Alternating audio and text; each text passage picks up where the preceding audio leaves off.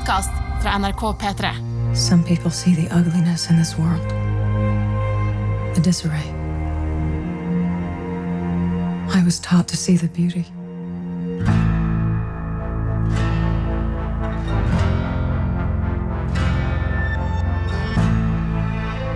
Velkommen til Westworld-podkasten her i Filmpolitiet. Det har vært sesongfinale for sesong tre. Og det er da meg sjæl, Marte Hedenstad og Sigurd Vik eh, her i studio som skal eh, ja, diskutere sesongen, rett og slett. Og føler, nå, nå ble det litt begravelse her. Med den musikken og det, det var jo veldig sånn alvorsstemt eh, stemning her nå. Ja, eh, det er jo på en måte en liten begravelse, for nå er det jo veldig lenge til vi får New Westworld. Men vi får jo New Westworld, for sesong fire er bekrefta. Det. Så vi skal, vi skal holde stemninga relativt eh, oppe. Og så må vi bare si til alle som ikke da har sett ferdig Westworld eh, sesong tre Skru av nå!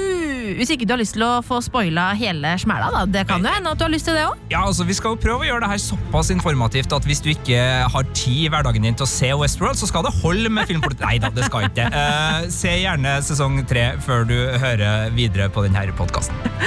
Ok, Uh, og Vi skal jo da på en måte rett og slett oppsummere litt. Grann, uh, si litt hva vi syns. Det har vært en del delte meninger om sesongen. Ja, kan si så mye at Terningkastet som jeg ga på starten av sesongen, har endra seg nå som jeg har sett hele sesongen.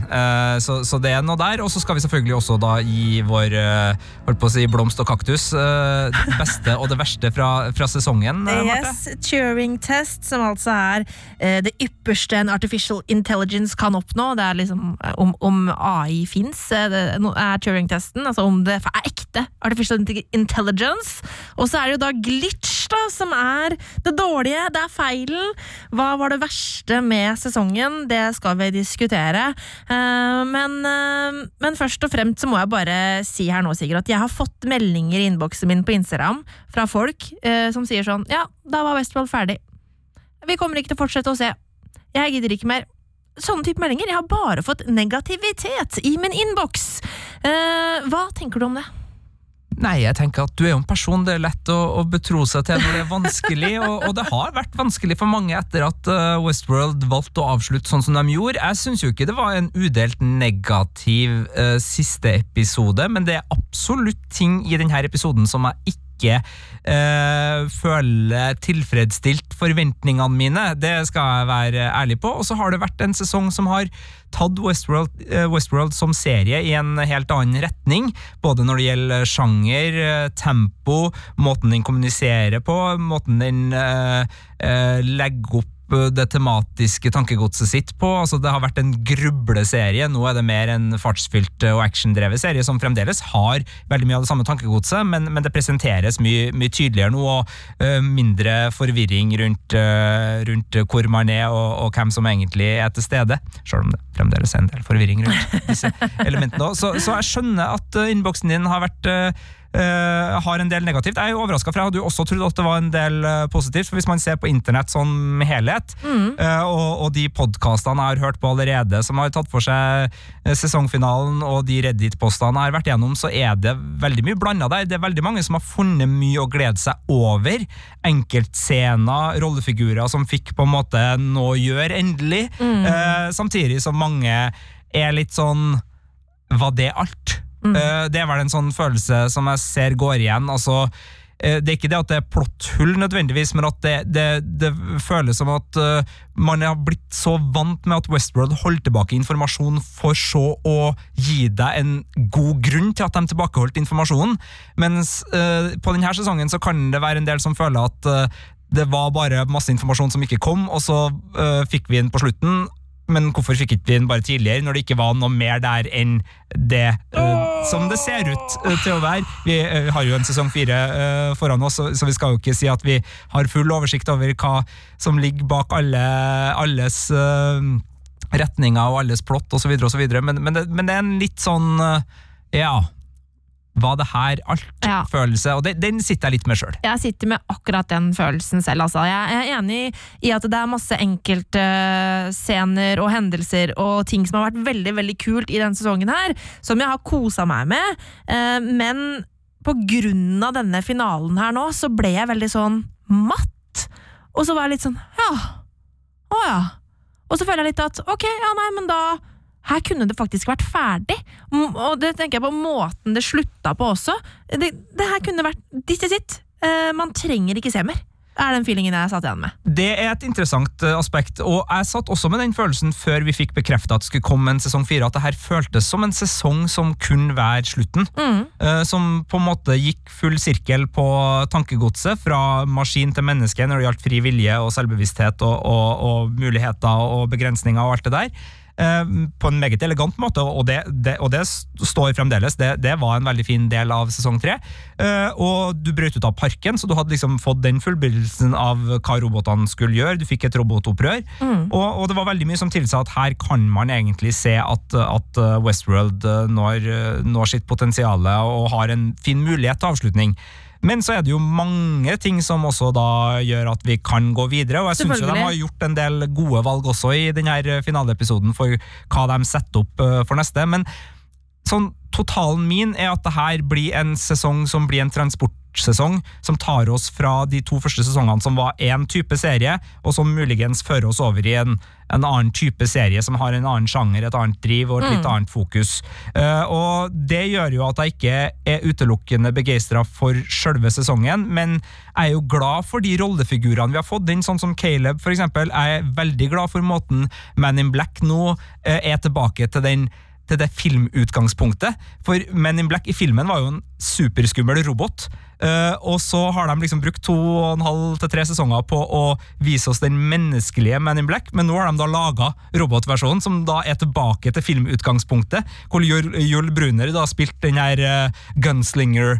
eh, og nå, den scenen vi fikk etter rulleteksten, og folkens, dere må se etter rulleteksten hvis dere ikke har gjort det, den, den tok jo liksom Ed Harris til den rollefiguren. Og jeg har også hørt rykter om, jeg har ikke lest det intervjuet sjøl, men at Ed Harris, når han sa ja til Westworld, så var det egentlig den rollen han ville spille. Den sånn- Robotversjonen? Ja, den, den, eh, den gunslinger-greia. Og hvis det stemmer, så er det jo også en eh, gledens dag for eh, Ed Harris, da, at han på en måte fikk, fikk komme seg dit. Men jeg liker jo at de har da brukt tre sesonger på å vise oss et menneske som ligger bak den rollefiguren, som i filmen da fra 70-tallet bare liksom dukker opp med en gang. Men ja, ja, du liker det, ja. Jeg, eh, jeg liker også at vi fikk se på en måte mennesket bak, eh, bak figuren, holdt jeg på å si, men jeg, jeg eh, kan jo bare si med en gang at jeg liker ikke eh, hvordan storylinen til William utvikla seg i denne sesongen. For å si det meget! Ja, ja, forsiktig. det, her, det her er interessant. Forsiktig. eh, men uh, din umiddelbare reaksjon etter at du uh, så finaleepisoden, kontra Mm. liksom sånn forventningene du satt med før? For du, du, da, du var, vi var jo positive og, og gleda oss til den her før, og Ja. så en time og tolv minutter etterpå, hvordan var det for deg? Det var et antiklimaks. Jeg, jeg, jeg, jeg gråt litt. Det gjorde jeg. Eh, men, men eh, for meg så var det et antiklimaks i, hvordan en del av scenene var, var utført. Eh, en, hvordan på en måte ting bare plutselig skjedde. Sånn som for eksempel hvordan Mave eh, nå klarte hun plutselig bare å ta over Serac eh, sin eh, sånn kontroll over henne med Mesh-nettverket sitt. Å ja, hvorfor har hun ikke gjort det før? Eh, og å ja, plutselig så bare ut av det blå så bare skjønner hun uh, og hører Rehobom sin stemme hviske i øret til Serak, Bare sånn bam! Der, der skjedde det. Eh, Så det var, ting føltes veldig forhasta. Uh, dette er åtte kontra ti episoder som vi har hatt før, og det merka jeg veldig på denne sesongfinalen her. Um, og så var jeg misfornøyd med William-storylinen. Eh, den jeg føler at eh, hele William bare er eh, red herring all the way, liksom. I'm gonna save the fucking world, og så bare å nei. Altså, det var, det, det var piss. Eh, så det Det er jo det som skjer når øh, legen din tar selvmord før dere får fullbyrda Nei, men samtalen det på der- kontoret. Det, det, det, føltes, det føltes bortkasta. Altså, vi har brukt tre sesonger på å bygge opp eh, William og på å bygge opp Man in Black, og så får han den avslutningen der. Jeg syns jo han har hatt noen fantastiske scener i løpet av sesongen. Den som vi snakka om i forrige podkast, den uh, terapeutseansen, var jo helt nydelig. Men han har jo ikke hatt noen ting å gjøre, egentlig! Eh, og alt har liksom blitt bygd opp til at han skal gjøre noe stort, eh, og så er det bare nei, Du skulle ikke gjøre noe stort i det hele tatt, faktisk. Du skulle skyte en uh, fyr i resepsjonen, og så skulle du bare daue etterpå. Eh, det, det var veldig antiklimaktisk for min del. Um, og, så, og, og hva i helvete betyr den der eh, after credits-scenen vi fikk i sesong to?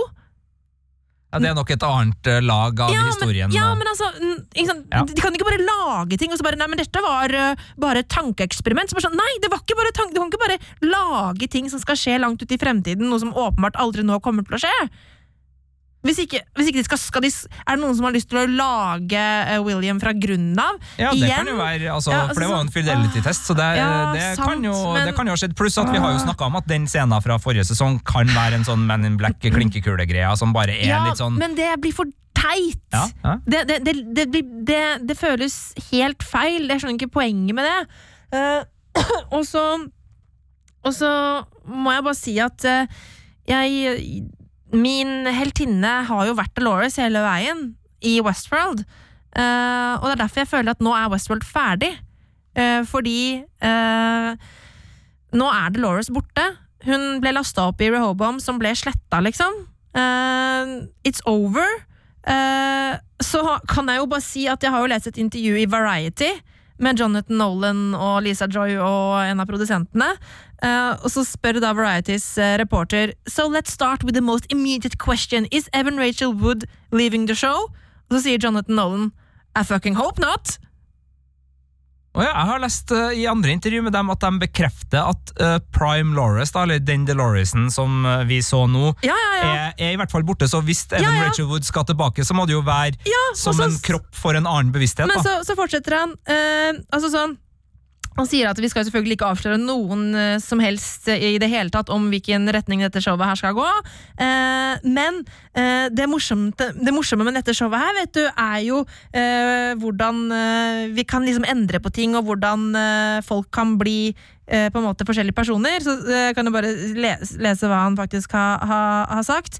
I think it's important with a show in which death can be impermanent. These are robots after all.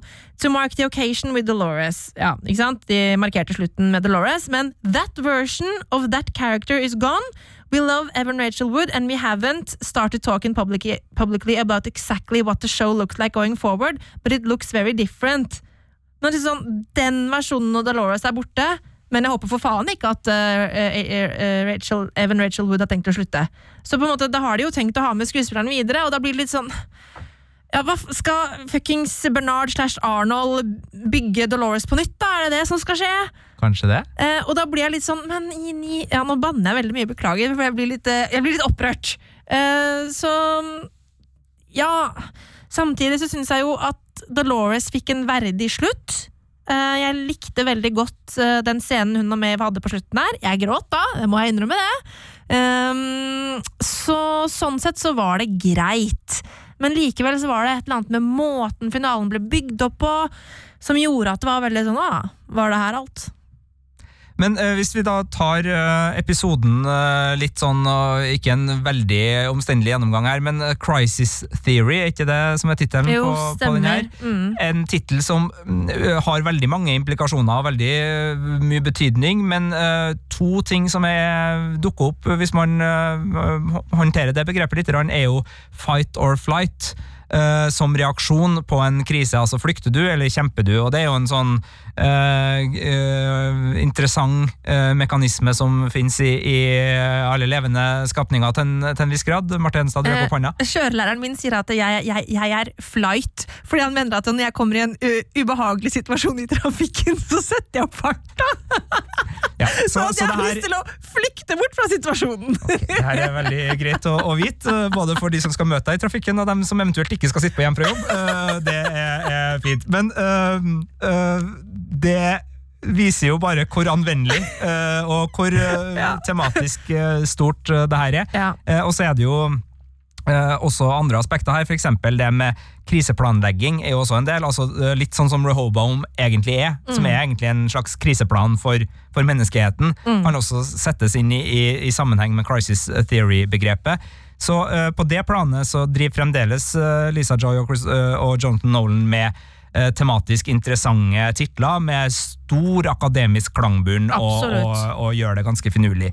Og så er det jo egentlig um, altså, Hovedlinjene her er selvfølgelig det som skjer med, med William, eh, det som skjer med Bernard og, og Stubbs, uh, og så er det jo uh, den store opprør i Los Angeles og uh, Caleb og Dolores sitt forsøk på å utmanøvrere uh, Serac og Rehoboam og, og Insight, uh, med uh, Dolores i Charlotte-kropp eh, som Uh, ja, jeg vil si en slags flue i oljen, for å ta et av uh, ordene som eh, ble, ble brukt der. Så der har man handlinga. Og hvis vi starter med den som kanskje får mest tid, da, altså Caleb og Dolores sin kamp gjennom et, eh, et Los Angeles i opprør, eh, hva syns du om den den utforminga av liksom sånn vi må komme oss til, til midten, vi må bruke appen for å få litt hjelp. Du, du mener det spillet som de har tenkt til å slippe neste år? Altså, det, eh, det føltes helt ut som et spill.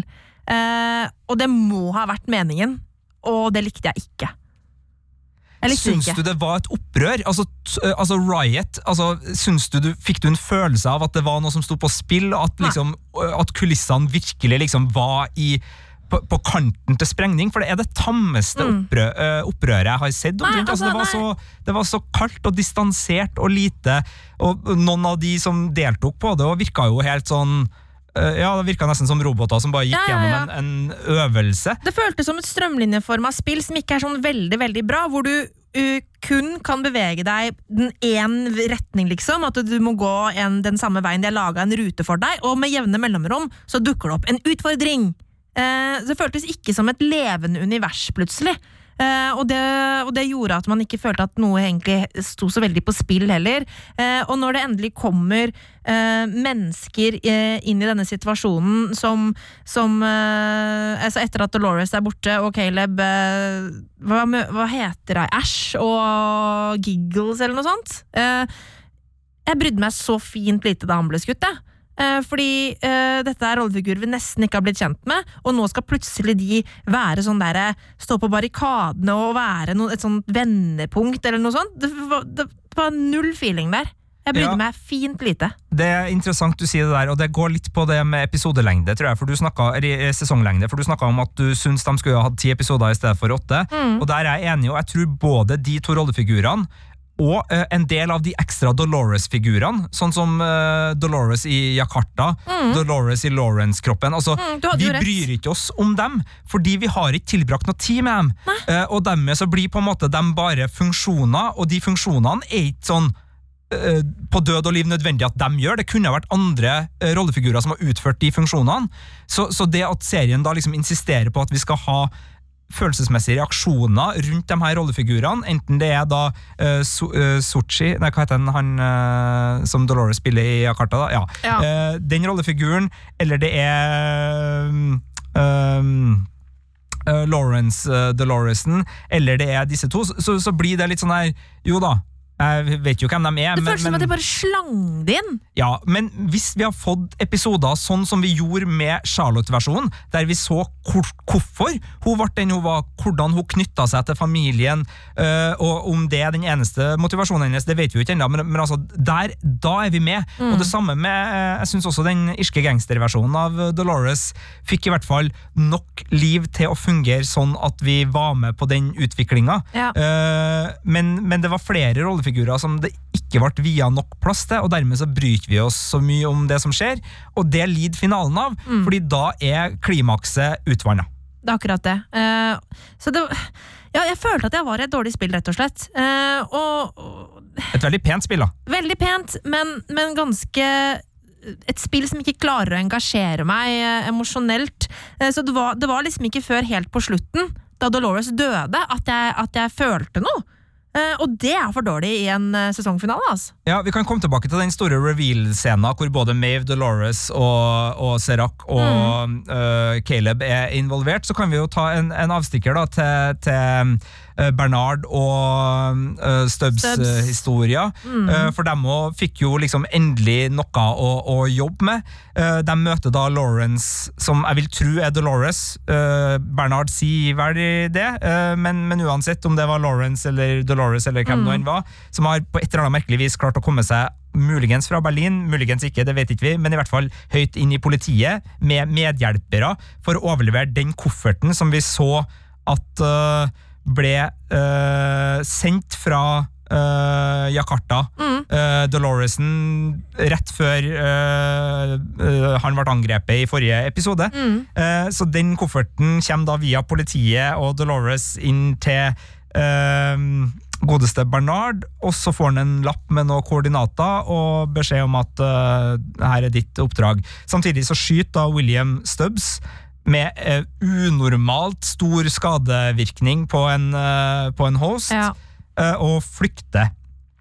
Eh, litt spesiell, litt sånn eh, Du verden, her gikk mye opp samtidig eh, scene. Ja. Og det setter da Bernard på en ny retning. Han tror han skal møte Dolores. Viser seg at han skal møte Arnold sin kone for å få en veldig fin Her, her likte jeg altså scener, tematikken. Scene. alt helt nydelig.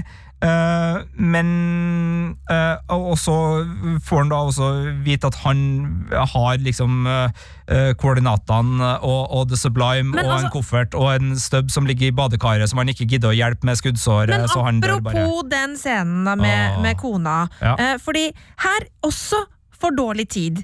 Vi, sånn som vi har snakket om tidligere, vi har fått sett at Bernard sin kule er annerledes. Altså sånn, han, er en, han, er, han har faktisk noe av Arnold i seg, eh, ikke sant? Eh, og så møter han kona, og du ser at han reagerer eh, eh, på en måte på ekte vis, eh, og hun tror Hun er jo dement, men altså hun kaller han Arnold, uh, og liksom det er, et, det er et ekte øyeblikk der.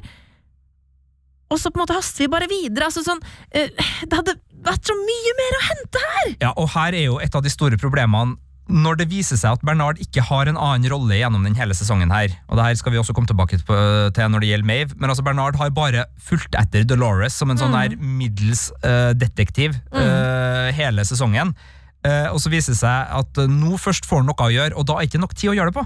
Uh, altså, det er jo kjempeinteressant at, eh, at Bernard har den her eh, Biten av Arnold i bit- seg. Ja, og, liksom. og ikke minst også sitte med, med løsninger, men det at Mm. han får vite så seint det, det føles bare som en sånn der Vi skal holde på hemmeligheter, vi skal holde på hemmeligheter. Bam, her har du masse hemmeligheter på en gang. Altså, Mm. det, det virker ikke som den øh, avsløringa er motivert av noe annet enn å være liksom Vi sparer hemmeligheten til slutt. Uh, og det er litt sånn det føles ikke som en veldig sånn tilfredsstillende historiemåte, og det, det frarøver jo Bernard en hel sesong av å være den rollefiguren han bør få være. Altså I episode én starta Bernard kjempeinteressant. Vi oppdaga at han har to moduser. En beast mode, hvor han liksom kan gå bananas og være øh, supervoldelig, og så er han ettersøkt over hele verden. Det bare liksom forsvant Ja, det- litt utover i sesongen. Det er jo også litt merkelig å, å gi hemmeligheter til, til den mest ettersøkte personen i hele verden. Ja, man har skjegg, og så ikke kjenner han igjen. Eh, Bortsett fra de arbeiderne på kjøttfabrikken. Ja, da, som faktisk, eh, ja. Men, men, så så, så det, det var mye der. ikke sant? Det, vi starta der. Virka som vi så Oi, nå får vi en Bernard-sesong her. Unnskyld meg, unnskyld meg. Altså, jeg må bare utdype det videre det du sa nå. Fordi i en verden hvor alt er på internett, og det er kameraer og alle mulige registreringsmåter overalt, så klarer verdens mest liksom, etterlyste person å bare gå rundt. Er ikke det, det, helt absurd? Og det, og det, ikke, altså det kan godt hende at han har en eller annen måte å beskytte seg på, men vi får ikke vite. Nei. Og det er der vi har et problem med Westworld. både jeg og du, nå merker jeg, Det har vært så mye av det nå, hvor på en måte, det er ikke et plotthull i den forstand at det ikke er mulig å forklare det, men du kan ikke drive og lage en av de dyreste TV-seriene i verden, og så bare liksom, med en gang man har et problem, så, så, så i stedet for å liksom la publikum være med på reisa og føle at de tar en del av det, så kan du bare si sånn, ja, men det er sånn, Uh, Og det går opp. Altså, det, det er ikke en god fortellermåte, syns ikke jeg. da. jeg synes det, og det er altfor mye av det. Ja. Det er for mye av det når det gjelder Bernard, det er for mye av det når det gjelder Mave, uh, det er for mye av det når det gjelder hvordan Mave klarer å operere, sånn som du var inne på. Uh, og, og det er også en del andre ting, uh, for eksempel det med, med Lawrence og det med Stubbs. òg. Altså det er sånne småting òg innimellom, og det med eh, hvordan den Rebro-appen funker, og hvordan Dolores plutselig kan begynne å bruke den uten at uh, Rehoboam begynner å bry seg. Mm, ja, for Jeg Eh. trodde jo på et tidspunkt at eh, Dolores hadde hacka seg inn i Rehoboam fordi at hun kunne gjøre så sinnssykt masse greier, men det hadde hun jo ikke. I hvert fall ikke på det tidspunktet. Ikke sant? Og da er det litt sånn, ok Så, så det er mye der da, som, som ligger og, og, og murrer, og all den litt sånn halvforklarte sci-fien, det er overraskende at Westworld ikke er bedre på det. Fordi Westworld har liksom brukt to sesonger på å bygge opp et godt rykte for å være den sci-fi-serien blant de liksom underholdningsfokuserte sci-fi-seriene som, som har det her ganske på stell. Og så er, kommer det en sesong hvor så mye av det da, og det oppdaga vi jo nå med siste episoden, det var liksom ingen bedre forklaringer på det. Nei. Vi måtte bare leve med de litt sånn halvkveda forklaringsmodellene. Ja. Eh, og det, det, det skuffer. Eh, og jeg syns jo også den eh, Det at Bernard og Stubbs ble litt sånn redusert til et slags buddycop-tema, var også litt, eh, var litt eh, trist, syns jeg. Ja, for det buddycup-greiene har jeg både likt og mislikt. Jeg har likt det i den eh, På en måte den fine eh, hva heter det, kjemien de to har hatt sammen. Men eh, jeg har ikke helt vært fornøyd eh, sånn som Spesielt i denne episoden, hvordan de to ble opp mot William. Eh, og hvordan de to har vært mot hverandre med tanke på veldig mye sånne one-liner-greier. Og det leder litt egentlig inn på hvordan William var i hele denne episoden. her, for Han var en one-liner-maskin, eh, og det syns jeg ble litt sånn rart, bare. Eh, men, men Stubbs og Bernard har jeg, egentlig, har jeg likt som en kombo i sesongen, da. Jeg har likt tonen i den komboen, men øh, når det liksom øh, Den ene rett, den ene delen av duoen da får en superviktig Ja, ja, ja. kjemperolle, mens den andre ligger og blør ut i et isbadekar fordi han ikke gidder å fikse den. Men, men jeg, skjønte ikke, jeg skjønte ikke det! For, for det, hva, skulle han fikse den? Han skulle Ja, bare han sier jo det, jeg skal fik det sier han jo før han går inn til, Ja. til sin kone, også, som han tror det er Dolores. Han bare vent her i bilen, jeg skal Ja. bare inn her en tur, og så skal jeg fikse det. Og så drar de til her motellet, eller hva det nå enn er. Ja, og så putter han den i- i badekaret Og og, masse is, og så, går, og så går han inn i altså, da, da ble det liksom Da gikk det fra å være det der funny sidekick eh, Ja. uh, uh, Han er broren i, i Thor, på en måte. Ikke Fordi sant? det er jo en Hemsworth vi har med å gjøre her. Broren til, til Chris Hemsworth, som spiller da eh, Thor, i Avengers, hvor han ble tjukk og drakk øl og ble liksom en sånn Så det, var nest, det virka som en sånn inside joke, da. Litt som Drogon i, i episode to. En sånn eh, Vi er Westworld, vi er klar over hva som skjer i annen popkulturell uh, Ja. Den andre popkulturelle verden, så vi, vi har inside jokes til dere. Bam, bam, bam. Ikke sant? Men jeg syns ikke da Luke Hemsworth, er det vel han heter, skuespilleren som ja, ja, for det er Liam er han, han andre Liam broren. spiller i en Queeby-serie eh, som heter eh, Most Dangerous Game. Nå. De er tre, tre Ja, Hemsworth-brødre. altså, eller mest kjent fra Hunger Games, da. Ja, det Ja. kan du si, men mest aktuell i Queeby-serien, eh, der han spiller mot Christopher Ja. Waltz, eh, Ja. kjent fra Inglorious Ja, Bastards. Ikke en veldig god serie, men hvis dere har lyst til å sjekke ut Queeby, så for all del, det er jo sånne kortepisodeformat Mm. der på en ny strømmetjeneste som bare er tilgjengelig på mobile plattformer. Ja, for det, det, Jeg skjønte ikke hvorfor ikke, hvorfor ikke Bernard fiksa Stubbs. Eh, var det sånn fem, fem minutter bare, jeg Ja. skal bare sjekke den greia her, var det var det? det? Og så bare oi, jeg har sittet her i who knows, et år, ti år. Hvis Eh, det, eh, den scenen da, som er post-credit, som vi snakker om nå, er, er faktisk eh, det som skjer, eller om den nå har en sånn som uh, William-scena i Men det tror ikke. Jeg tror her er det snakk om at det har gått eh, lang tid, men da har altså Da ligger Bernard en vært i eh, decomposed stubs i badekaret, da. Men uh, Marte, eh, for nå eh, antar vi at Bernard er i The Sublime, ikke sant? Ja? Og at det var det han hadde nøkkelen til? Ja. Ok, da er vi nødt til å hjelpe meg forstå noe, og okay. den her eh, må vi ta for oss med, med litt grundighet. Filmpolitiet. På P3. Ok, hva er det som plager deg, Sigurd? Det er ikke nødvendigvis noe, men det er en ting som jeg merker at driver og spinner og går, og det er Det Serac har vært ute etter, har vært to ting, sånn som jeg har tenkt på det underveis. Det ene er at han skal ha koordinatene til The Sublime, altså det her eh, digitale etterlivet, som, eh, eh, men det er som en belønning til Mave. At Mave skal få lov til å komme dit. Han har ikke noe direkte bruk for The Sublime med tanke på sin plan for Rehoboam og, og livet videre. Det han trenger, er uh, det som eh, Delos prøvde å få tak i gjennom hele sesong 1 og 2, for så vidt. Altså, han trenger nøkkelen til informasjonen om de menneskene som eh, har blitt uh, avkoda gjennom sine besøk i parken, og som Dolores har inni hodet sitt. altså Hun har lest alle disse bøkene om alle disse menneskene. Fordi den kunnskapen kombinert med all den analysen som Rehoboam har om menneskene i den virkelige verden, vil gjøre uh, Rehoboam enda sterkere i sin forståelse og sin uh, forutsbestemmelse av hvordan ting vil fungere. Det er sånn jeg har drevet og tolka det. Ja.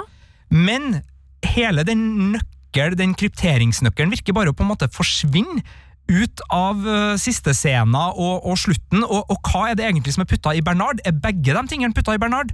Eller er det bare The Sublime som er putta i Bernard? For det er jo, uh, Bernard går til The Sublime, ser, vi, ser det ut som.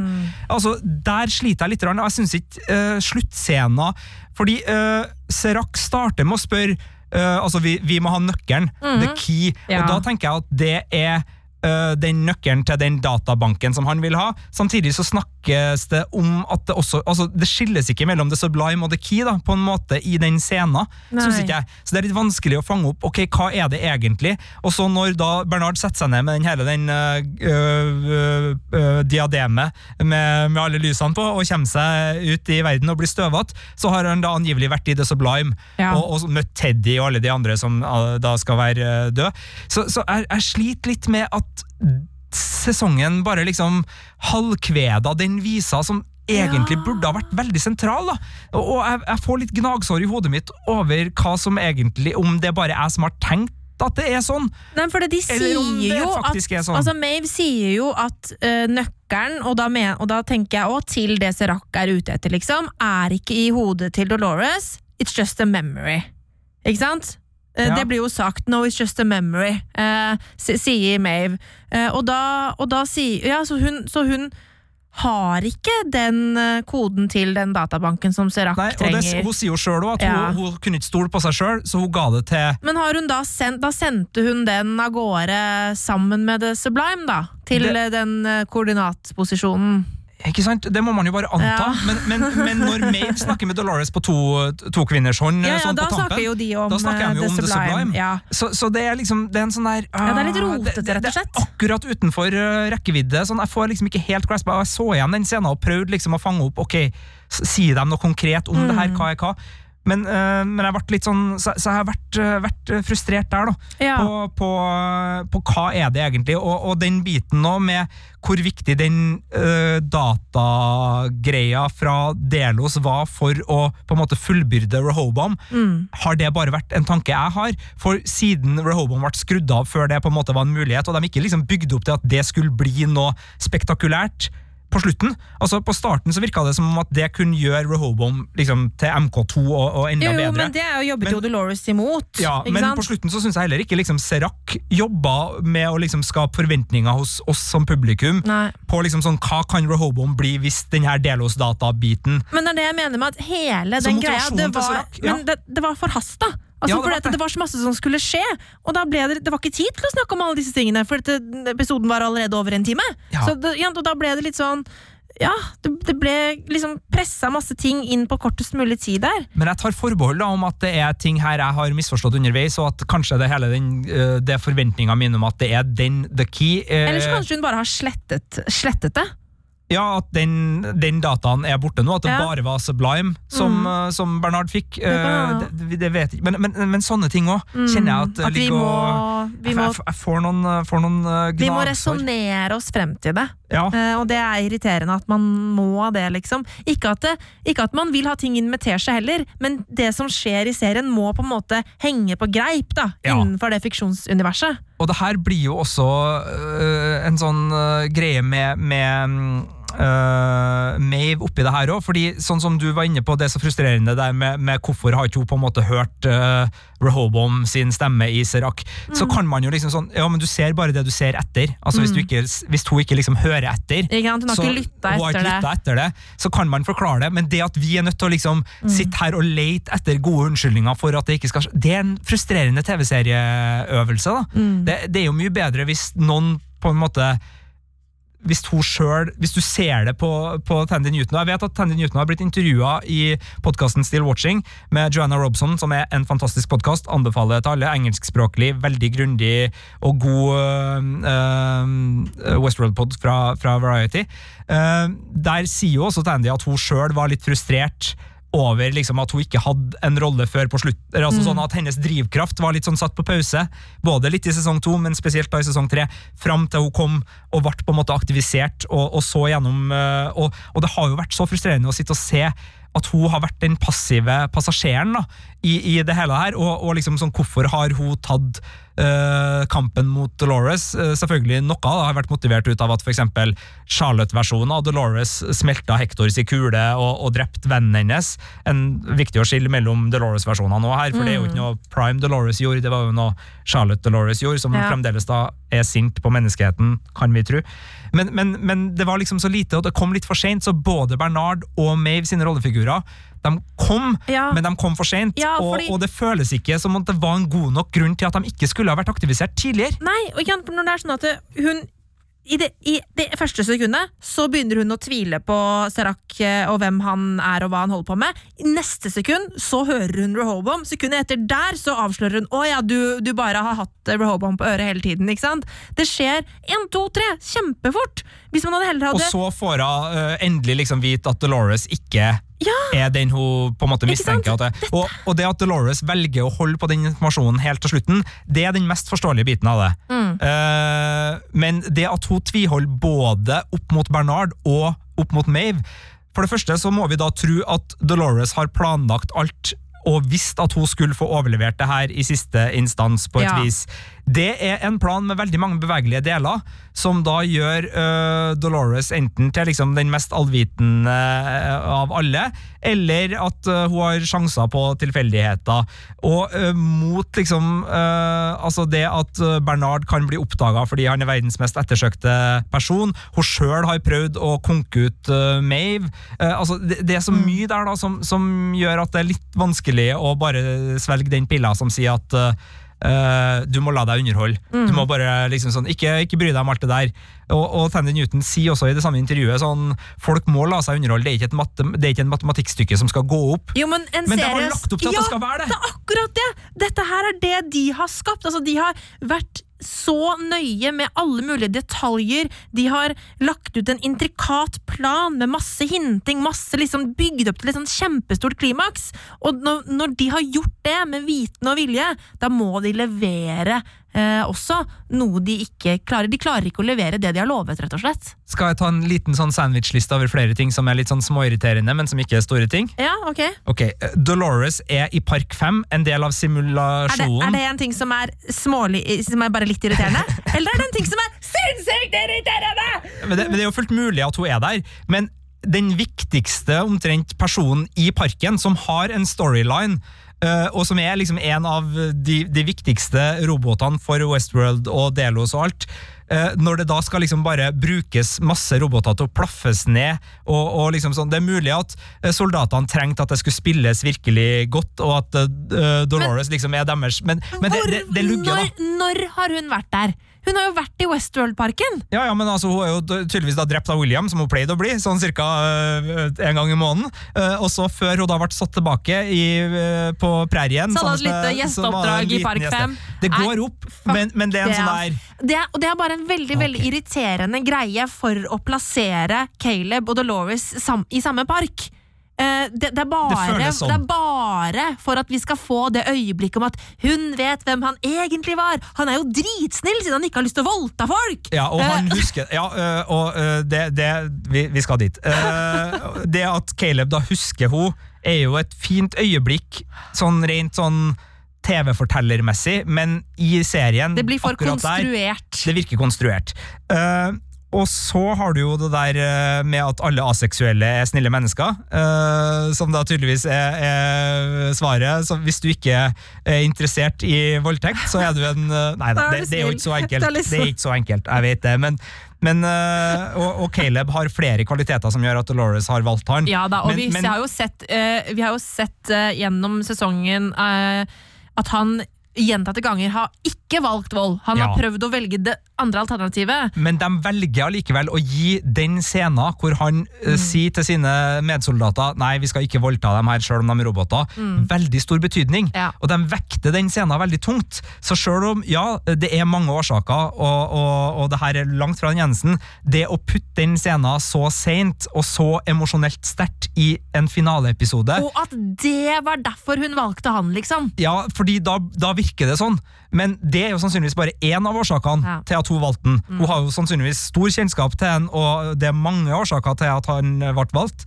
Eh, Men det at eh, vår på en måte Harry Potter, vår Jesus, vår Frodo, som da Caleb på en måte blir her, den utvalgte som skal få lov til å ta det ene store valget for menneskeheten, eh, på sett og vis eh, formes som en person som liksom sånn Du er eh, en slags eh, chosen one fordi du valgte å ikke voldta. Det, blir, det er et eller annet som lugger der, da. blir. Ja, det, ja, om det ikke blir for dumt, så, så det det var det liksom er på en måte Det er der lista er satt. ja, det, liksom sånn Og så er det jo ikke sånn. Som er bra og dårlig. Og liksom, Voldtekt, det er der vi setter lista. Alt på en måte over voldtekt er bra, under ikke bra. Liksom, men, men, men det er jo ikke så enkelt, da, heldigvis. Nei da. Men vektinga av den scenen gjør at veldig Ja. mange vil sitte igjen med et, et, et sånn type inntrykk, Mm. og det ser vi jo på internett òg, for det her har jo skapt uh, ganske mye reaksjoner på, på det, Ja. det store internett. At det å skape det inntrykket er ikke nødvendigvis uh, innertier fra Westworld-skaperne.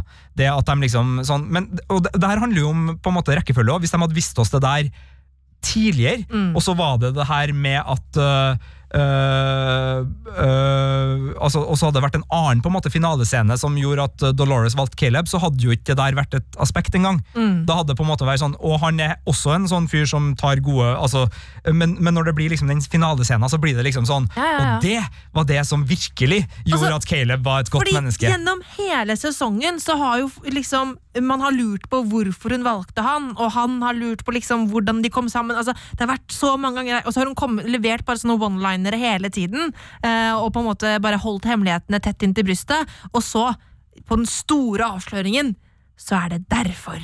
Og det blir sånn, ja vel, ok, greit. Um, det eh, var et par Skal vi se Jeg har en annen ting, hvis jeg kan ta den. Ja. Eh, altså Dolores eh, versus eh, Hey Laures. Ja, Eh, hva faen skjedde der? ja, det er et godt spørsmål. Hva i helvete? Charlotte- Hule villeste Men- skjedde? Det er der jeg mener at det må også være en del av Prime Loris sin plan da, for å på en måte bli fanga. Fordi hun hadde jo slått Mave og var på vei, men hun vil jo bli tatt til fange Ja. for å bli kobla opp til Og Rehoboam. hvordan vet hun det, hvis hun ikke har hacka Rehoboam fra før? Ja, Solomon, da. At hun har sett, uh, Ja, fått et handlingsforløp i, fra Solomon, da. Helt Eh, klart, men, altså, men- da, da er liksom Charlotte sin seier over Dolores en villa, Mm. et villa tap.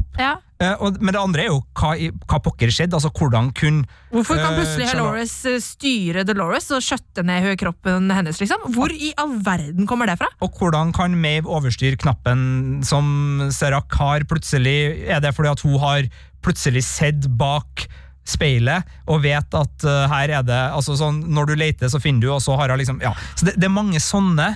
Mange sånne. Det, som- som- sånn, det ble sagt et eller annet i utvekslinga mellom Dolores og Helores som på en måte liksom skulle forklare det.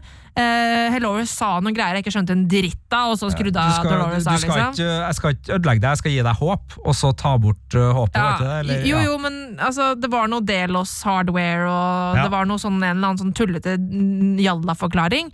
Uh, og jeg bare har skrevet liksom sånn Hæ?!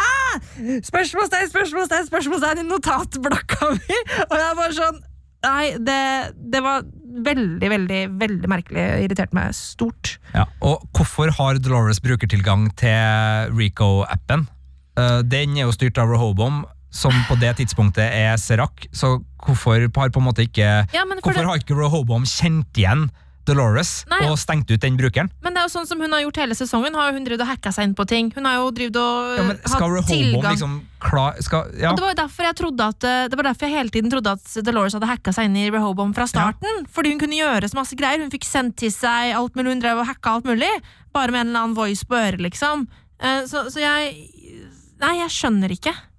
Nei, den er, den, er, altså, den er mulig, men den er ikke godt forklart. Nei, det er Eh, den på altså, ingen så, det, måte. så, så alt det vi sier nå her, er liksom mulig. Det er mulig, Maeve. Ja. Uh, altså, det er mulig å forklare det. Det er mulig å forklare det med Charlotte. Det er mulig å forklare uh, alt det her, men det er liksom Det er bare, det er bare presentert i en siste episode, Ja. der ting skjer eh, relativt kjapt, og Ja. der det, det, det mangler info da, for å få alt til å, å gå opp. Så, så det er til sammen en del eh, ting, og, og da kan jeg jo si det med en gang. da, Jeg starta jo med en terningkast fem til denne sesongen, her, basert på de fire første episodene. Mm. Uh, fordi da syns jeg liksom at uh, taktskiftet over i, i sci-fi-thrilleren uh, funka. Jeg syns det var mye stilig action, jeg synes det var masse flotte scener, og jeg syns det tankegodset som virkelig har vært det som jeg har blitt begeistra mest av i denne sesongen, her, at de klarte å vri det over til en eh, virkelig verden hvor vi forlot på en måte kan roboter bli selvbevisst, og heller snakka om hva er egentlig menneskets frie vilje, og hva, hvor mye kontroll har vi egentlig. Jeg synes det var helt nydelig, og jeg syns fremdeles det har vært kjempeinteressant å følge, og jeg synes i en verden hvor vi har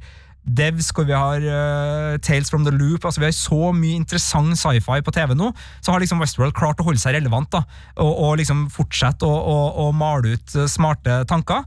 Uh, men eh, det havner ned på en, en eh, litt sånn eh, slapp firer, syns jeg, nå etter den siste episoden her, for det var så mye som ikke ble godt fortalt, og det er mulig det her er et godt springbrett for sesong fire, og at hvis man ser igjen hele Westworld sett eh, fra, fra sluttpunktet, så vil det her se bedre ut, men akkurat her og nå så, så falt den et hakk på, på skalaen for meg, så jeg vil si at eh, terningkast eh, fire Jeg er svak firer, ass. ja, slapp firer kalte jeg ikke, Ja. ikke svak, eh, fordi på sitt beste så er det fremdeles helt i Eliteserien. Ja, ja, nå sier jeg det i affekt. Ja. Eh, eh, eh, jeg, eh, jeg sier nesten terningkast tre i affekt.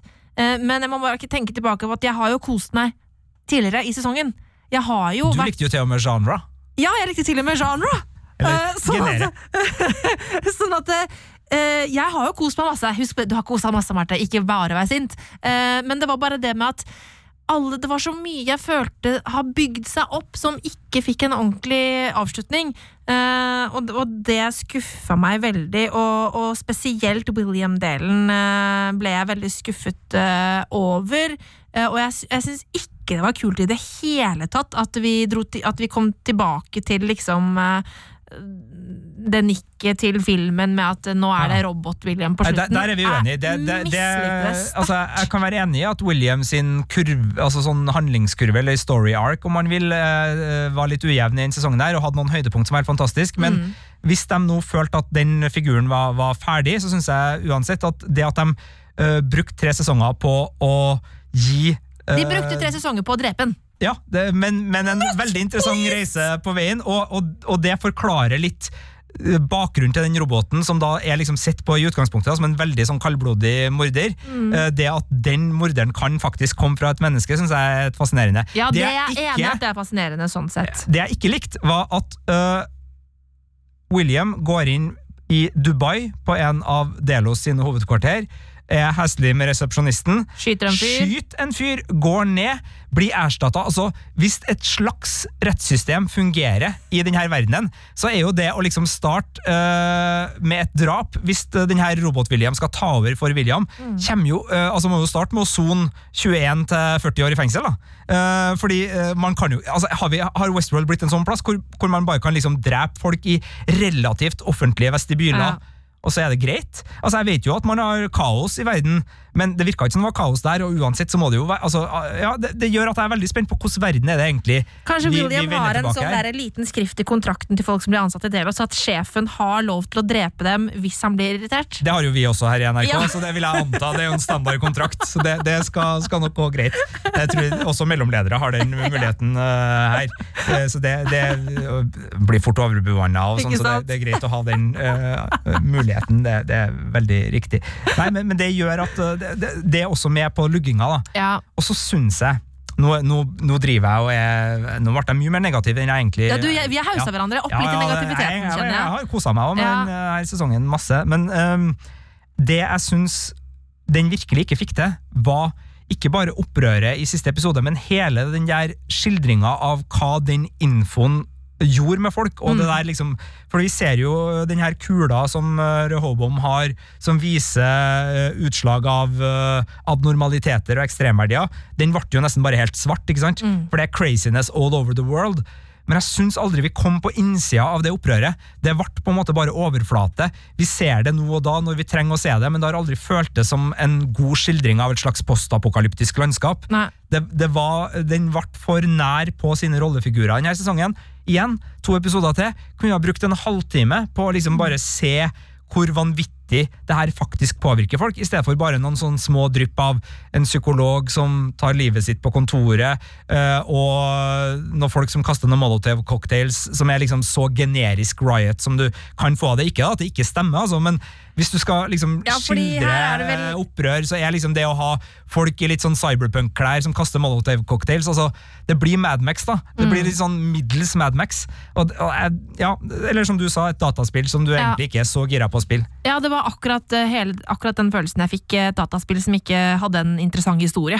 Eh, og det er jo det, det verste som fins.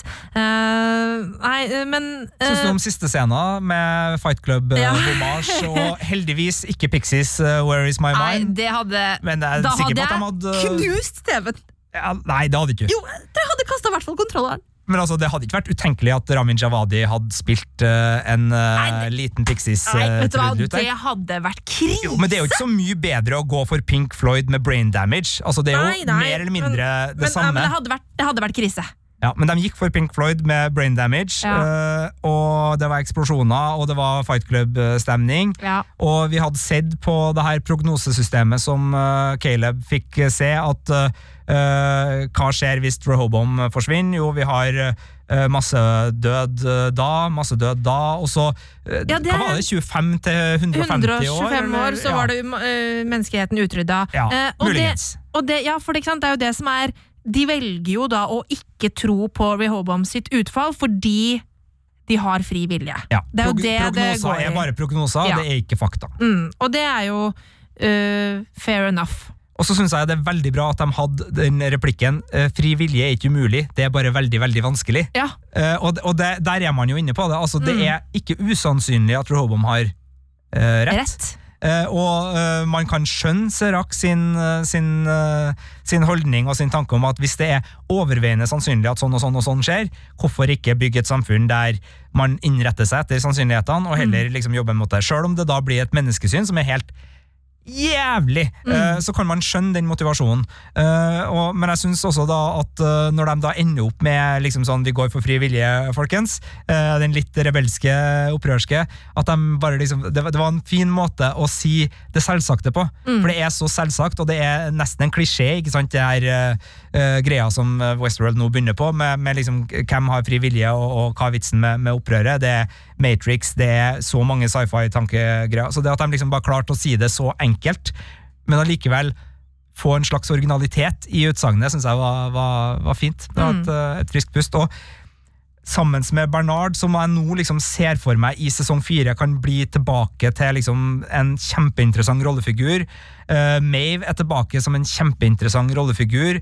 Uh, Charlotte-versjon av Dolores. Spent på hva hun uh, Ja, for da er hun eh, neste sesongs bad guy, da. Hun, hun vil, vil utslette menneskeheten, antageligvis. Hun Hun- vil lage sin egen eh, eh, rase av eh, aliens, holdt jeg på å si, av roboter, som skal ta over. Det er jo sånn det virka som på slutten der. Hun masseproduserte i hvert fall Ja. ganske kraftig der, ja. Så, så, så jeg syns jo at brettet ser kjempefint ut for en sesong fire, og det hadde ikke jeg nødvendigvis trodd. Eh, For, fordi sånn som deg, så følte jeg at sesong tre hadde liksom så mange avslutningskvaliteter. At det, men, så der Mm. Men det er en helt sin... annen type serie. Det blir en annen type serie, og, og det er jo derfor jeg sier at det er mulig at den sesongen her kommer til å se mye bedre ut når vi ser helheten. Ja, men vil jeg, vil jeg at eh, Jeg vet ikke om jeg liker utviklingen. Eh, ikke sant? Altså, den neste sesongen, den type serie jeg tror at eh, Westworld kommer til å bli, jeg tror det kan være en kul serie. Eh, Postapokalyptisk eh, eh, Altså, det er jo eh, Terminator, ikke sant? Det, Terminator er fett, det, liksom, men vil jeg at eh, Westworld skal være Terminator? Ikke sant? Det det- jeg tror det er dit vi er på vei. En mer, kanskje litt sånn mer actionfylt uh, serie hvor det handler om uh, menneskets overlevelse og mot killer robots, liksom. Um, mens det derre mer den der filosofiske, eksistensielle greia føler jeg har blitt downplaya nå, eh, og på en måte litt avslutta i denne sesongen her.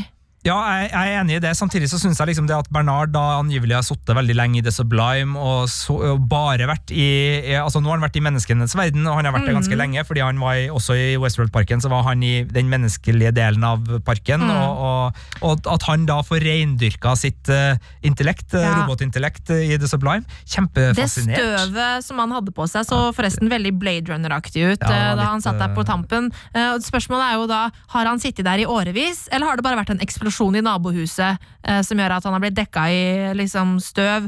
Eh, hvor lenge har han vært der, og hva var greia med det blikket han hadde da han åpna øya? Han så veldig sint ut. Det var sånn at Jeg nesten lurte på om det var noen andre inni der enn Bernhard. Kanskje han har vært kasta ut av The Sublime. Eh, Jeg vet ikke. Um, og så hvorfor har han vært der så himla Men lenge? plutselig så har man da Teddy tilbake i spill, man har liksom alle de rollefigurene. Og nå kom jeg på enda en ting som irriterte meg. Mm. Clementine ble eh, først lobotomert, og så gjort om til en slags sånn eh, robot for eh, Delos i slutten av sesong to. Mm. Hun var ikke på en måte i en posisjon der vi skulle tro at den kula var Altså, hun var gone, Mm. og så er hun plutselig bare tilbake igjen. Ja. Så Rakk hadde bare fiksa det, han. Sånne ting, ikke sant? Mm. Gi oss litt mer før dere bare tar dere til rette i en verden av roboter og sinn som dere kan. Altså Det er jo som Nolan og Joy sa i det intervjuet du refererte. Altså, eh, Dø i Westworld, hva betyr det? Mm. Eh, men, men Greit nok at dere har de mulighetene, men sørg for at det alltid er Sånn som med Lee Sizemore. da, Det at han dukker opp igjen som en simulering inni et maskin. Kult! Kjempefint! Får et gjensyn med skuespilleren, får et gjensyn med en del av øh, de karaktertrekkene.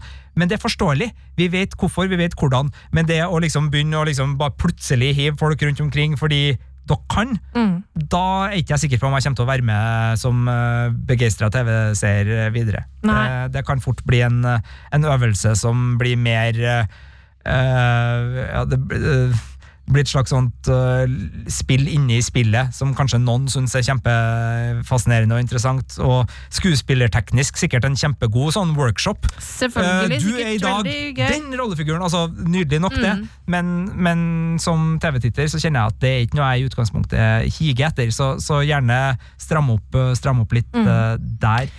Men hva tenker du om Dolores sin, sin reise i denne sesongen, da, og hele den Nei, hun ville ikke at menneskeheten skulle bli utsletta likevel. Men nå er vi jo tilbake på hvorfor jeg faktisk liker også denne finalen. Fordi eh, med unntak av de tingene som skjer rundt, så syns jeg jo Dolores sin reise var kjempefin. Mm. Synes hennes tilbakeblikk, hennes møte med Mave inne i sin, eh, sitt Delos-hode, hvor de sto og, hadde den lille heart to hearten, jeg syns den var nydelig. Jeg syns replikkene var kjempegodt valgt. De var både tilbakeskuende og framoverskuende. Jeg syns det var så mye bra. Så, så, og det var egentlig der jeg var på starten av podkasten, men så havna jeg raskt Ja, ned i kaninhullet. ned i og- og blir- For jeg, for jeg, og, og det er derfor jeg ikke er på, liksom, i nærheten av treeren, egentlig, heller. Eh, jeg syns det er så mye bra her. Jeg syns liksom eh, Dolores har vært en ypperlig uh, hovedperson gjennom denne sesongen her. Og jeg syns hun og Caleb har vært eh, stort sett kjempegodt TV-selskap. Fascinerende.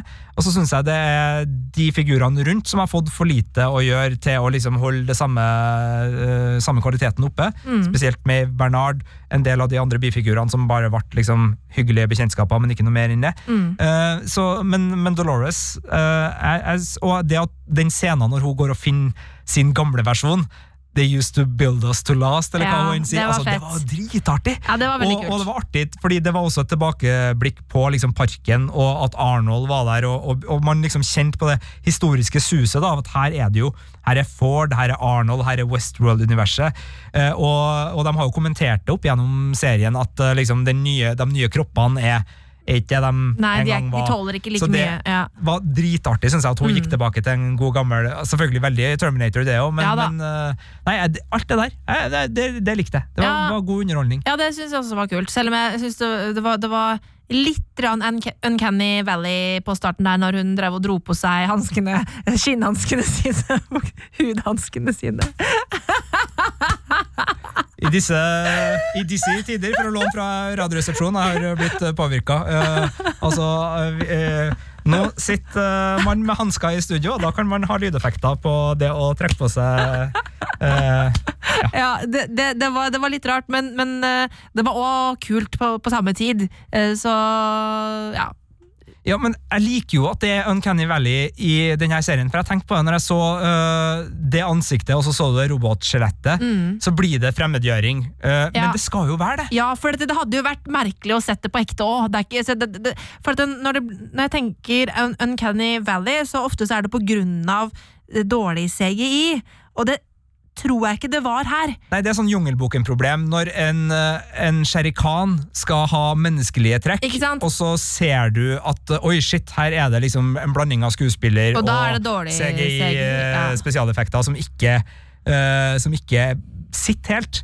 Da blir det en sånn oi, det der Men her, øh, det Du blir dratt ut av det. ut. Det så jo ekte ut. Det var Ja. bare, det er disturbing å se et fjes sette seg sammen. Ja, For det er ønskelig. Ja. Det er en ønska effekt. Mm. I uh, Jungelboken så er det ikke nødvendigvis en ønska effekt. Der skal du bli sugd inn i det, og du skal liksom uh, kjøpe at det her Ja. vesenet Eller Mowgli, som er den filmen vi snakker om. Det er faktisk sant. Mm. Det er ikke jungel... eh, det er sant. Det var Mm. der det var ekstra ille. Det er da Netflix eh, Andy Serkis-versjonen Ja. eh, som kom cirka sånn Eller som ble Den eh, skulle komme. Skulle komme cirka Mm. samtidig. Kom to år etter. Ligger på Netflix eh, nå. Eh, Den kan du fint droppe. Den fikk vel også terningkast eh, fire av Filmpolitiet? Ja. Det? Jo, men det er lov å være uenig! Ja, det er lov å være uenig. Det er sant, det. det, er sant, det. Eh, skal vi ta en liten eh, best av, eh, verst av eh, Ok. runde, for å si det med en Skal vi- angloisme? Skal vi begynne på det dårlige, da, og så, så kan vi avslutte on a good note? Bare for å fortsette eh, engels engelsken her. La oss gjøre det. Ja, ok. Eh, hvem skal begynne? Eh, jeg kan godt starte. Ok, greit. Uh, det var jo uh, så mye i den episoden her, men vi tar det på sesongen. Vi tar det på sesongen. Ja, Sesong tre, hva hva er glitchen i denne sesongen? Det er veldig enkelt for meg. Altså, Den store, store skulle ha hatt en pinsett og klippet bort hele sulamitten, er fremdeles uh, Benioff og Vice og Drogon i episode to. Det skulle aldri ha vært der. Det er, Nei, det skulle aldri ha vært det der, er er helt malplassert, og, og det ødelegger så mye av respekten jeg har for Westworld og HBO som avsender, Mm. at de legger inn en liten sånn Det føles som en sånn snikreklame omtrent for, for egen uh, kanal. Det er nå én ting, Ja. men, men det har jo ikke noe der å gjøre. Nei. Og det som sikkert er tiltenkt å være en litt sånn morsom, ha-ha, funny, wink-wink, den, den bare ramler totalt uh, til bakken og, og blir bare en sånn der Skjerp dere. Ja. Kom igjen. Nei, jeg syns den, eh, den var øh, Nei, hoderystende avgjørelse, og, Mm. og det, det oppleves sånn Av og til når man ser ting fra gammelt av, så ser man at de, de har putta inn noe som sikkert var kult der og da. Og det gjør at det virker så datert at det er nesten skummelt. Og det her kommer til å være en sånn scene. Ja. Det gjør at Westworld blir datert. Å ja, de laga den her på den tida Game of Thrones var så populært, ja. Eller, Det- og- eller å ja, de laga det, det her på den tida eh, folk hata Game of Thrones! Men se for deg da, hvis du sitter og ser på en fantastisk film som The Conversation for eksempel, av Francis Ford Coppola med Gene Hackman i hovedrollen, og så skulle du ha liksom komme inn ei scene med et eller annet ja, Nå husker ikke jeg helt årstall, da, men altså eh, et eller annet sånn jippo fra liksom 70-tallet i USA. Det hadde jo gjort at den filmen har fått en helt annen vibb. ikke sant? Det, det, altså, og det er greit nok å gjøre det. altså Du har masse popkultur i, i ulike ting, men akkurat i Westworld, da, en sci-fi-serie Det hørte ikke hjemme Det der i det her. hele tatt! Hører ikke hjemme her. Blir så sint. Ja, Ja, det eh, så den er min uh, ja. soleklare Jeg er enig i at det er en åpenbar og veldig stor glitch, uh, og er enig i det der resonnementet med at uh, man mister respekten for serieskaperne ved at de valgte ja, Ikke all respekt, da, Nei, men man, man mister respekt. litt Man respekt. lis- mister noe av respekten. Ja. Uh, men, men jeg har lyst til å tenke litt mer i større baner enn en bare én bedre en sånn en én enkel hendelse. Fordi jeg vil, jeg vil putte det mer til liksom problemene jeg har hatt med sesongen. Og, og da øh, jeg, jeg, har, jeg har to ting, da. øh, som jeg føler at jeg alltid har to ting, og som jeg bestemmer meg for. Men det er det med at sesongen har åtte, åtte episoder. øh, Er en kjempe-major glitch, fordi pacingen blir dårlig. Det blir forhasta på slutten og gjør at finalen blir en ganske dårlig greie, opplevelse for min del. Eh, det var den ene. Eh, Eller så er det Williams storyline, Mm. som er mitt, min store glitch. Uh, Ja, jeg er jo ikke med på den siste her, da, så, Nei, så men, den men, får ikke men, men bare liksom Altså og hvordan Altså, fra den veldig kule terapiscenen som jeg har hausa opp og snakka om og syntes vært så awesomeness, til å bare degradere hele Hele den rollefiguren til en sånn der dum one-liner-fyr som bare uh, gjentar igjen og igjen 'I'm gonna save the fucking world'. og sånn jeg, jeg syns det, det, det var veldig fordummende. Jo, men altså, det er jo mulig å, øh, å se at det her er en person som kom ut av terapi på et øh, en, med en livsløgn. Nei, men det var jo det at han Altså, ifølge den terapisekvensen, så, så fikk han jo opphevd livsløgnen sin. Ja, én, ja, men han øh, var ikke i stand til å øh, da se sitt selvbilde Altså, det tok bare en annen form. Altså, Han, var, han forsona seg med at han var øh, årsaken til at dattera var, var drept, og at han hadde kvaliteter ved seg sjøl som ikke var bra. Men han anså likevel ro, altså Han klarte allikevel ikke å øh, kom forbi det at uh, rota til alt ondt her i verden, og, det, og hans største synd For han ser jo på seg sjøl som en synder, Ja, ja. men han mener jo at originalsynden, altså han hoved, hans hovedsynd, var øh, å skape øh, den her øh, Ja, ja. robotverdenen. Ja. Så det er jo der han glir tilbake i et slags sidespor av sin egen livsløgn. Ja, da, men likevel, og, det men jeg er enig i at one-linerne ikke var bra. Altså. Og så det oppgjøret på slutten, tøft, det oppgjøret på slutten uh, når robot-Man Man in Black eh, kommer inn, og så sier han til William, jeg husker ikke ordrett, men et eller annet med liksom sånn ja, hvem skulle trodd at eh, eller liksom, all dette jævelskapen og morderiskheten kom fra deg? Her har du meg, liksom. Og så bare sånn ja. Men det visste jo Willem allerede. Han har jo innsett det, at eh, all, alle de morderiske tingene kom fra han. Så det, det var jo ikke noe sånn derre men, men at det ble spilt opp som at det var sånn Ja. Du trodde at du var god, men eh, her ser du, alt dette er deg. Og så bare sånn, ja, Han har nettopp hørt en terapitime hvor han har innsett alt dette. Så jeg, så, så jeg syns det var skikkelig, skikkelig, skikkelig dritteit. Ja. Nei, jeg har ikke så store problemer med den. eh, Jeg følte at det, den, at det negerte hele reisen til William fra starten, liksom. Ja. Nei, jeg er jo litt øh, men, det, men jeg ser det jo fra et på, med, uh, Altså, jeg zoomer ut da og ser bare at jeg syns det er fiffig og litt artig Ja, at de ender opp Men med da er det jo den nok roboten. en referanse til noe annet. Altså, det må jo, Ja, men det er jo jo originalfilmen, da. Jo, jo, men det må Eh, jo fungere ideen. i Ja, greit nok at det er et nikk til den originale ideen. Ja, ja, det er Men- mer enn et nikk. Men altså, du kan jo ikke, det må jo fungere i det universet de likevel har skapt i, det, i denne serien. ja.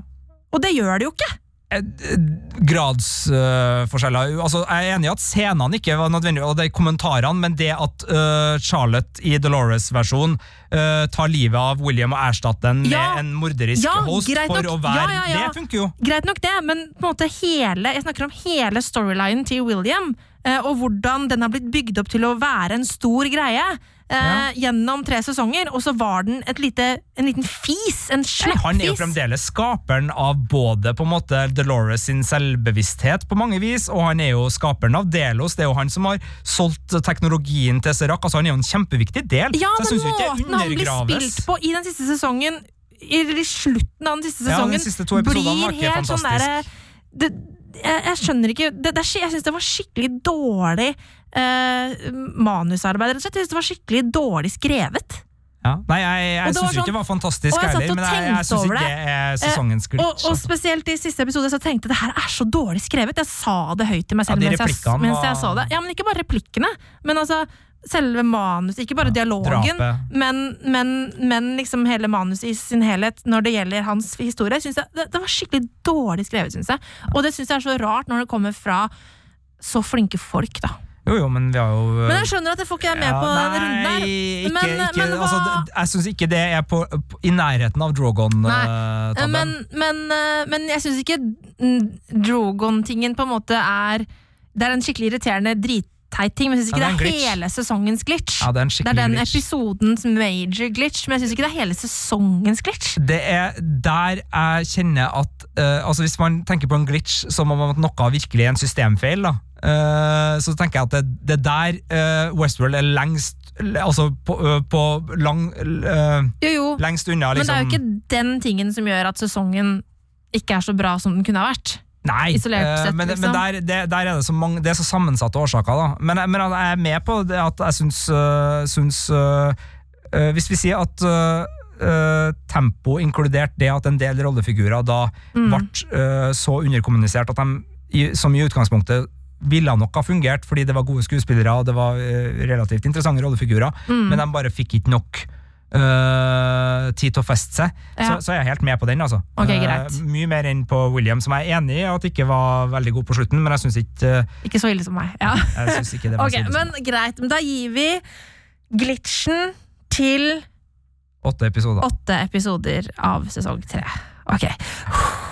Positivt. Positivt. Pust Positivt. Positivt, men det har vært mye bra! Det har vært mye fint! Og uh, det har vært mye greit! Og det som jeg har lyst til å eh, trekke frem som en Turing-test, det er uh, Dolores sin reise, uh, og hvor vi endte opp med når det gjelder henne. Jeg likte, Selv om jeg på en måte er misfornøyd med at Dolores er ute av greia, så, så likte jeg avslutningen hun fikk. Og jeg likte på en måte hvordan hennes reise ble ferdig, og at eh, vi, vi på en måte fikk litt, vite litt mer om den derre Ja, ok, hun begynte med å være sint, eh, men har på en måte jobba med seg selv eh, og forstått at hun ikke ønsker å utslette menneskeheten, men at det er dette med fri valg som har vært hennes liksom, kjepphest gjennom sesongen. Jeg syns det var fint. Så det, det er min Turing-test. Jeg er enig. Det jeg syns kanskje var litt sånn Serien har vært litt eh, lite flink til å ta vare på, er jo Men det var veldig fint i siste episode, da, er jo uh, Altså Sjøl om vi tenker at alle gjestene som har vært i den parken der, har vært rike rasshøl og behandla alle dårlig, Mm. det, og det kjenner jeg er liksom sånn, det er min umiddelbare respons på hvis folk spør meg hvem er egentlig dem som har vært i, i Westworld. Så har det jo vært, og der hørte jeg Jeg husker ikke om det var i Still Watching-podkasten eller om det var i Chat on TV sin podkast som tok opp det her, men det har jo vært en del andre gjester her, også familier, altså barn. Mm. Det har jo vært så mye andre mennesker i den parken som har visst mye av den godheten som Dolores da kom på på slutten, Mm. men den har kanskje vært holdt tilbake i litt for stor grad, fordi at vi skulle ha vært skrudd til i en sånn her veldig sånn tilspissa konfliktsituasjon da, gjennom Ja. hele sesongen. Eh, og, og liksom skal, vi skal skjønne Dolores sitt eh, hat så godt. Ja. Eh, så, så det er kanskje den eneste litt sånn som jeg satt igjen med etter at de snakka. Så tenkte jeg sånn, ja fader, det er egentlig riktig. Hun har jo møtt masse.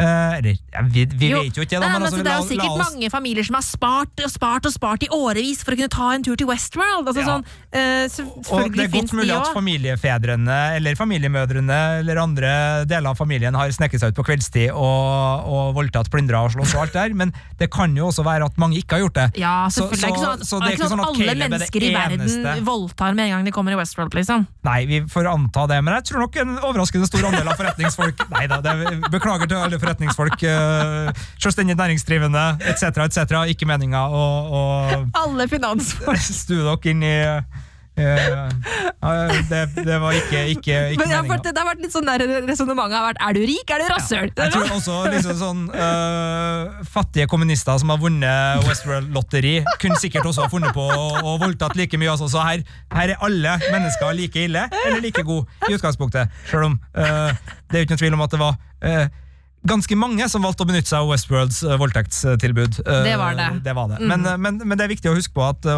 Fordi jeg tror vi også har sagt det her på podden at vi har vært veldig sånn her Ja, fader, alle de gjestene, altså, de rike, ikke sant? de som har råd, de er fæle. Men, men det kan jo være hyggelige folk som har vært der innimellom. Men det er klart, Ja. Caleb var et brudd. Ja. Uh, Sjøl om det viser seg at han faktisk hadde vært der, uh, så, var, så var han et brudd. Og, og det gjør jo Dolores sin, sin reise. Og hvis vi skal tro at hun har planlagt det her relativt lenge, så tenker jeg at vi kan si at da hun forlot parken og for inn til den virkelige verden og laga sine versjoner av seg sjøl, så var han nok fremdeles ganske rasende. Ja. Eh, og så må vi vel bare anta at relativt kjapt da, så begynner hun å legge en litt annen plan. Hun begynner plan. å forstå. Og det er jo Altså eh, Jeg skjønner jo hvorfor de ikke har vist oss det. Fordi at da er det overraskelse på slutten. ikke sant? At eh, hun Nei, hun ville oss bare vel all Ja. along. Og det gjør Eh, at de må holde Mave gissel i et ja, middelmådig manus. men- de må holde Bernard gissel i et middelmådig manus for at vi skal få den avsløringa. Men jeg skulle veldig gjerne likt å fått vært med på den, akkurat den reisen, da. Ja. Så så, nå skulle vi liksom være positive, men ne, det syns jeg er trist. At ikke vi fikk lov å være med på Dolores sin reise inn i eh, forståelsen av hva som er positivt med menneskeheten nå. Ja. Så det synes jeg var, det er litt synd, men, men likevel så, så er der vi endte opp med henne, min Turing-test for sesongen. Ja. Eh, min er musikken. Mm. Eh, det har vært enkelte øyeblikk av eh, musikk her som jeg liksom ikke har tenkt sånn wow, innertier, men måten denne sesongen har kombinert popmusikk, originalt framført popmusikk, Mm. og Raman Javadis fantastiske coverversjoner, og hans score, har vært helt magisk. Og jeg mener, i tillegg til at det her er en serie som visuelt sett er så lekker som du kan få det, med øh, penger vel brukt på både kulisser, skuespillere som virkelig kan å til seg, kostymer altså Det er så forseggjort. Det er så aldeles utsøkt, nydelig og delikat å se på. Men like mye av prestisjevibben kommer av at musikken alltid er helt perfekt. Ja. omtrent. Og jeg vil trekke fram spesielt bruken av Pulp sin Common People i episode 1. En slåssekvens der låta får gå i sin helhet, inkludert altså, i fiksjonsuniverset, eh, med ryggekameravold og alt, eh, når Dolores later som hun blir fanga, men, men eh, banker opp en del av Seracs Seraks bøller og, og skaffer seg en versjon av seg sjøl i, i Altså, det er en låt uh, så Jeg skal ikke, altså, skal ikke dra liksom, sånn klassekampen til Pulp for langt, men altså, det er et klassebevisst britisk popband fra det glade 90-tall, eh, og det er en fengende, feiende flott låt. Eh, og der liksom kom ting sammen på en veldig fin måte. I tillegg til at jeg syns liksom, eh, den genre-episoden var ikke nødvendigvis min favorittepisode, og jeg syns det ble litt sånn on the nose, men det var veldig kule med Iggy Pop sin nightclubbing og tema fra The Shining. eh, noe framført av artister, noe framført av altså i Ramen Javadis hånd, og, og veldig mye av scoret og det pulserende.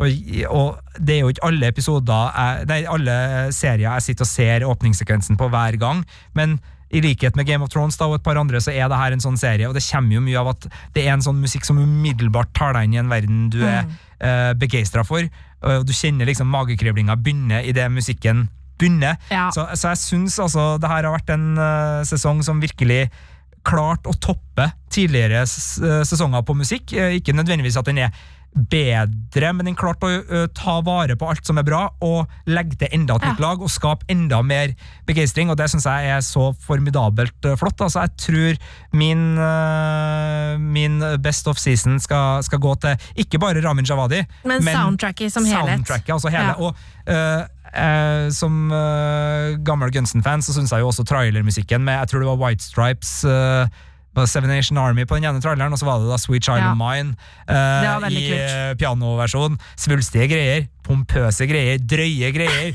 cheesy greier. Men uh, ja, Ja, nei, vet du hva? eh, jeg, jeg kosa meg med den. Den der skal du få, Sigurd, for jeg er så enig i alt du sier. Uh, og jeg hadde jo noen innvendinger mot min egen Turing-test, mens uh, jeg er helt enig. Det lydsporet på denne sesongen her har i likhet med tidligere vært strålende, og det, det gir så masse. Så ja, helt enig. Turing-testen går til soundtracket. Filmpolitiet.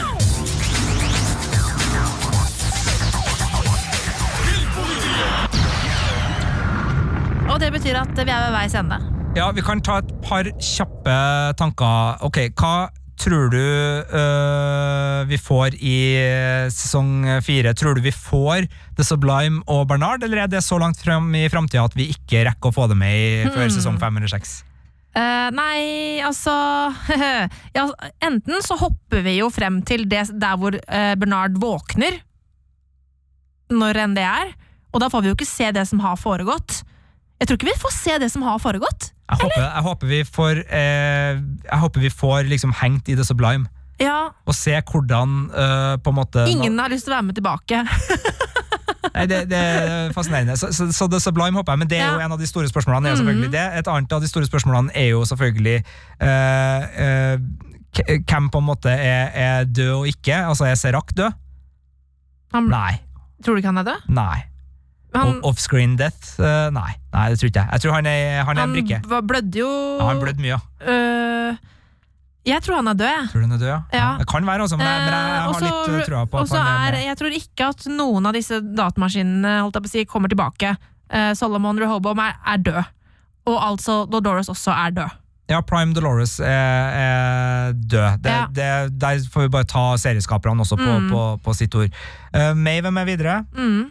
Eh, Charlotte uh, Doloresen er definitivt eh, med videre. Hun er skurk i neste sesong. Ja, en, en, men, men en interessant skurk, fordi hun er jo egentlig den versjonen av Dolores som kom ut av parken, Ja, ja, bare med en større menneskelighet Ja, men, og et større hevnbehov. ja, men den menneskeligheten syns jeg faktisk virka litt å være borte. Eh, i, eh, for det var jo noe sånn der De var svakheter! Eh, det var like så greit at de døde. Så bare sånn, ok, greit Jo, men Det er menneskelighet, det òg. Altså, det er ikke en hyggelig menneskelighet. Nei, men, men, jeg bare håper ikke at hun på en måte blir en sånn derre I'm just evil! Alle skal dø! Bam, bam, bam. For det, hun virka litt det på slutten. Ja, nei, jeg tror- så jeg, jeg håper ikke ikke. at vi skal dit. Nei, Jeg håper heller ikke det.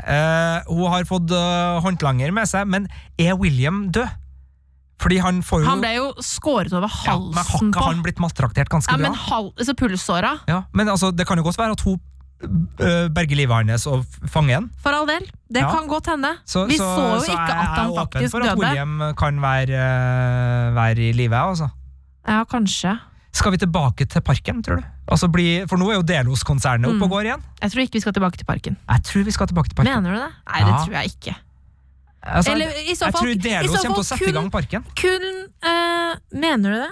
Ja, altså, for produksjonshensyn. Ja, altså, altså øh, um, nei, jeg, jeg vet ikke. Jeg er usikker. usikker. ja. I så fall kanskje uh, parken? Shalores eh, putter ut de hun skaper ut i parken, så de kan Ja. på en måte eh, lære seg selv å, å kjenne der, før de blir satt ut i det virkelige liv. Holdt jeg på å si. Ja. Kan jo være en mulighet. Men ikke, ikke tilbake i- til parken som en fornøyelsespark. Nei, det nei, nei, nei altså, det er jo kaos. Eh, Menneskeheten er jo i Mm. opprør. Mm, Det er sant. eh, så det, så Vil du ha et lite avbrekk fra Lei av opprør. Kom til Westworld. Vi hadde et opprør her for litt siden, men det er borte nå. Kom til Westworld. Går under, og du skal ha ferie i, i cowboyland. Det er kjempefint. Eh, altså, det er ikke noe, altså, det er ikke noe pand, altså, eh, datavirus-joke aside. Det er ikke noe altså, det, det er kjempetrygt å være i robotselskap. Eh, Ja, de ja da. veldig jevnlig. I Både på innsiden og utsiden. Nei, spyles og lobotomeres. Nå eh, må vi gi oss. Det er Eh, sant. Det er nok lurt. Men, men eh, så, ok, et seriøst spørsmål her nå, da.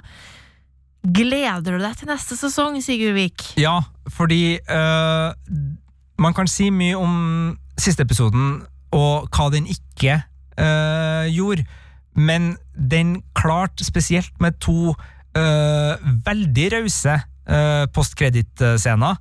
Altså etter rulleteksten. de var nesten, det var jo nesten mer informasjon enn vi pleier å få gjennom to vanlige episoder som plutselig kom drusende på oss. Men alt det der har satt øh, brettet klart for en sesong som jeg har lyst til å se. Ja. Uh, og jeg er såpass investert i det her eh, universet. Uh, jeg liker Westworld.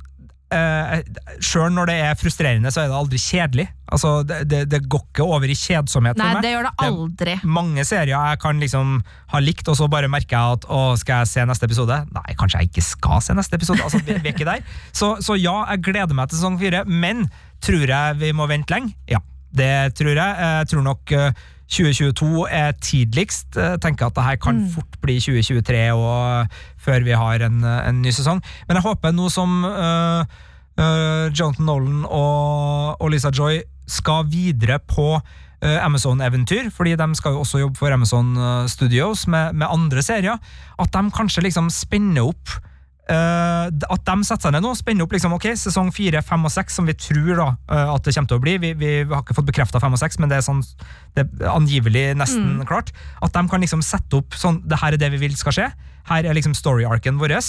Og så at det kan komme inn folk som virkelig har tida og lyst til å jobbe med det her, og lage de episodene som kreves, og, og skape, skape en for det, for det trengs en ny trengs en ny kjærlighet inn i Westworld-universet fra serieskaperne. Altså, det føltes litt som en sånn her stemoderlig behandling. Det er veldig stygt mot stemødre der ute, beklager det. er Forferdelig uttrykk. Men altså, det var, det var, ikke, det var ikke så uh, mye næring i matjorda denne runden som jeg syns det har vært i sesong 1 og 2. Tidligere så har Westworld vært for glad i seg sjøl, for full av kjærlighet til sine egne interesser, sånn at det har blitt vanskelig å følge med. Det tåler jeg mye bedre enn at det blir enklere å følge med, men det føles ikke som de egentlig er så gæli in- interessert i, i eh, produktet sitt. Eh, så, så jeg håper at vi får en fornya kjærlighet da, inn, i, inn i Westworld. Det hadde jeg Ja. virkelig satt pris på. Ja, jeg eh, var litt sånn da, da vi innleda her, så var jeg litt i likhet med de som har sendt meg melding. litt sånn Nå er jeg ferdig. Men nå kjenner jeg at når jeg har fått på en måte Uh, fått ut agget, uh, fått prata om det, fått snakka om det, det er jo sånn terapi funker, det! Og nå når jeg tenker på Dolores og Rachel Evan Wood og den fine avslutningen eh, jeg syns hun, eh, Prime Dolores, fikk, så er jeg on a positive note, og jeg eh, skal fortsette å bli med videre inn i Westworld-universet. Kjapt siste spørsmål til Marte Hedenstad fra Game of Thrones-podkasten. Ja. Du heier jo på incest. Eh, det at Dolores er på en måte stammora Til til, alle. alle. roboter, Ja. og driver og liksom, ikke nødvendigvis har seg med Teddy, men altså driver og har følelsesmessig ganske sterke bånd, Ja. som kan ha seksuelle over-, under- eller mellomtoner. Uh, heier du på incest, og er det incest i Det- Westworld? Uh, det er ikke incest. Det er ikke incest når det er roboter? Nei. Det, det, de er jo ikke genetisk eh, beslekta. Er de det? Eh, Nei, nei, nei. Det, nå stiller Altså, du spørsmål jeg ikke kan svare på. Eh, eh, hvis Abernathy hadde hatt seg med Dolores, da hadde det vært incest. Hvis de har, hvis, hvis de har, hvis de har hatt et rolleforhold, som, eh, altså et manusskrevet rolleforhold som har vært familiært, så hadde jeg ikke takla at de hadde hatt seg Selv om jeg i Game of Thrones har heid på incest, så heier jeg ikke på incest når det kommer til Westworld. Bare så det er sagt. Det er her du får de virkelig gjennomtenkte og gode svarene på ting du overhodet ikke lurer på. Eh, Beklager det. Ja. Eh, Og takk for følget på denne Westworld-ferden. There is ugliness in this world. Disarray.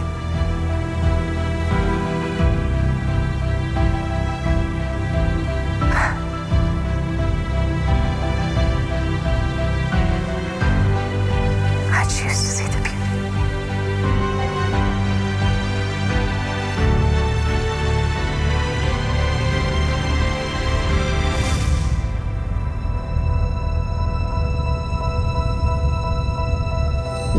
Du har hørt en podkast fra NRK P3. Hør flere podkaster i appen NRK Radio.